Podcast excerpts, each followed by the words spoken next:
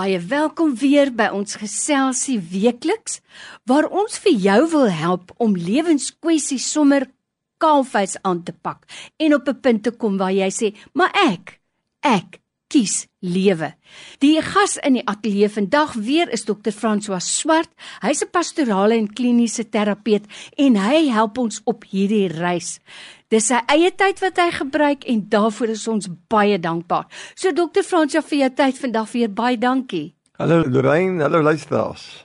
Dokter Franswa, as daar nou een tema is waarmee ek gereeld te doen kry in die ateljee, dan is dit vrouens wat vertel dat hulle in hulle huis geen beheer het oor die begroting nie, oor hulle finansies nie. Baie keer is dit ook vrouens wat salaris verdien, maar alles gaan in een rekening in en dan besluit pa nou wat te kan toe gaan die geld en dan kla vrouens, hulle kry net 'n sekere bedrag waarmee hulle al die uitgawes van die huis moet dek soos kos en klere. Nou nie elektrisiteit of dienste of so nie, maar die kos en die klere en dan sê baie vrouens vir my, ek kry vir jare al dieselfde bedrag terwyl my man geld gebruik om saam met sy vriende oor 'n naweek te kuier of so. En sy sê en ek moet spook en spartel om met die geld uit te kom vir die huis en ek kan dit net nie meer doen nie. En dan sê die vrouens, praat ek daaroor is dit die derde wêreldoorlog. En dis nogal 'n deurlopende tema. So dit lyk vir my asof daar kan wrywing kom in gesinne oor finansies 1 en dan tweedens lyk dit vir my asof ons paas nie regtig weet hoe duur kos geword het nie en lewensomstandighede vandag is nie. Waar begin ons om so kwessie te pak? Ooh, dit is 'n so belangrike vraag en dit gaan met die liefde nê, uh Lorraine. En kan jy glo dat mense wat 'n lang pad met mekaar loop, wat saam kinders verwerk het, wat soveel sakke sout saam opgeëet het op soveel ander terreine dan struikel oor so baie praktiese dinge soos finansies. En dit is 'n slagveld. Ons weet daar's vyf redes hoekom mense skei op die ou en die eerste is dat hulle kan nie seksueel aanpas nie, die tweede is finansiële probleme, die derde is vriende wat interfereer met die huwelik en pla die heeltyd is die koms van kinders is die vierde een en die vyfde een is as mense te veel kuier. Die tweede een op daai lys volgens die navorsing is die verskille oor finansies en dit spruit uit uit die Victoriaanse siening wat ons het baie keer van die huwelik en dan ook wat eintlik ehm um, versterk word met die Christelike idee die man is die hoof van die huis en dit word dan gebruik as 'n argument dat hy dan ook dan nou besluit hoe die geld sake hanteer moet word. Nou dis die ou Victoriaanse model. Intussen tyd Ons moet maar weer Efesiërs 5 en 6 gaan lees. Ons moet maar weer gaan lees wat dit beteken om man en vrou uh, te wees. En waar ons is in kort daarmee is alles wat in 'n huwelik gebeur moet gebeur deur konsensus en vennootskaplikheid. Dit is die twee sleutelwoorde veral omdat ons vrouens ook sedert die 1968er jare met die women's lib beweging en die emansipasie van die vrou het vrouens 'n toetrede gemaak tot die werk en daarom is hulle geregtig om as vennote ook binne 'n familie te te mag funksioneer. Die die groot raad wat ons probeer gee is omdat finansies baie maklik tussen geliefdes uh, 'n knelpunt kan word. Is dit belangrik om iemand te kry wat buite dit staan en finansiële adviseur, iemand wat weet hoe geld sake werk en kyk na billikheid. En daarmee dan gekyk word veral na 'n begroting. En deesdae met hierdie fantastiese elektroniese goedes wat ons het, die 60 minute tipe goed en uh, iZap en al die goed.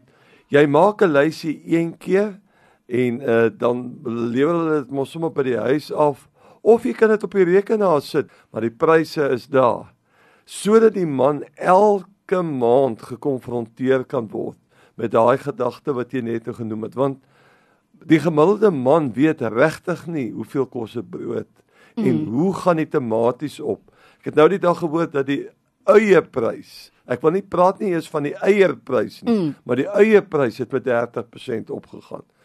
Dis ehm um, inligting, inligting, inligting en daar moet 'n bereidheid wees vir daai man om elke maand saam met sy vrou te sit. En ek dink as 'n vrou regtig baie hartseer is en dat sy nou al vir jare dieselfde toelaag aanhalingstekens kry, dan regtig moet sy 'n brief skryf vir haar geliefde en sê weet jy ek is baie gelukkig saam met jou. Dis die toebroodjie metode. Dankie vir die wonderlike kinders wat jy vir my gegee het. Ons het soveel dinge saam gedeel. Maar daar's 'n paar goed wat vir my pla en dan noem sy onder andere dit. En kan ons nie 'n gesprek daaroor hê nie? En ek wil nie met jou beklei nie. Kan as jy na 'n neutrale persoon toe gaan nie? En kan ons nie net weer daarna kyk nie. En dan weer af te sluit met die brief. Ek sal altyd lief wees vir jou, maar ek het ook die vrymoedigheid om vir jou te sê wanneer ek ongelukkig is. Sjoe, Dr. Franswa, dis ware woorde en jy sny dit presies aan by wat luisteraars ook sê. Dikwels is 'n man nie eers oop vir gesprek nie. Nou as jy sopas eers by ons aangesluit het, ons gesels lekker saam. Dr. François Swart is hier by my in die ateljee. Hy's 'n kliniese en pastorale terapeut en ons praat oor kwessies wat regtig vir jou belangrik is in jou lewe. Want ons wil ook hê jy moet by 'n punt kom waar jy sê ek kies lewe. Nou Dr. François, ons het al van tevore gesels daaroor op hierdie program. Nie jy of ek twyfel aan Bybelse beginsel dat die man die hoof van die huis is nie. Maar dit impliseer dat daar amper meer van 'n man verwag word as van 'n vrou, want hy het nou die verantwoordelikheid om te sorg dat almal in die huishouding ook gelukkig is, veilig is, tevrede is. Kom ons praat met mans vandag. Is dit dalk 'n oplossing om een of twee keer vir 'n man winkel toe te stuur met 'n lysie of saam te gaan een of twee keer dat hy werklik net kan sien wat dit kos want dit lyk vir my asof mans dieselfde standaard van 'n huishouding verwag maar nie bereid is om die begroting daarbey aan te pas nie. Jy het dit nou self genoem, goed het ontsettend duur geword. As ons moet prakties raak, dis net maar een voorbeeld. Hoe kan ons sorg dat mans werklik besef maar ek doen my gesin eintlik te kort. Die groot ding, ons het net nou gepraat oor vennootskaplikheid. En eh, dan ek dink dit is so 'n belangrike beginsel dat as ons werk met die Bybelse beginsel dat die man die hoof van die huis is, ons erken dit, maar dit bring eintlik meer verantwoordelikhede mm. meer vir hom. En daar is iets soos familietyd, daar is iets soos verhoudingstyd, Daar is iets soos my eie persoonlike tyd. En ons mans het 'n verantwoordelikheid in opsigte veral van ons werkende moeders om vir hulle persoonlike tyd te gee. En dit sal wonderlik wees as jy elke tweede of derde maand vir haar aanbied.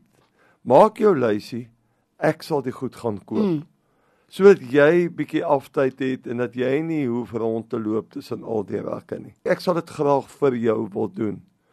Juis om homself eerstehands te vergewis. Maar Lorraine, ons het net nou gesê ons kan dit baie maklik ook op 'n rekenaar as jy by 'n sekere kettingwinkel inskakel, kan jy die pryse vir jouself sien en sorg dat elke maand met jou begroting dat jou oë net vinnig hardloop as 'n man oor die pryse en dat jy jouself kan vergewis daarvan.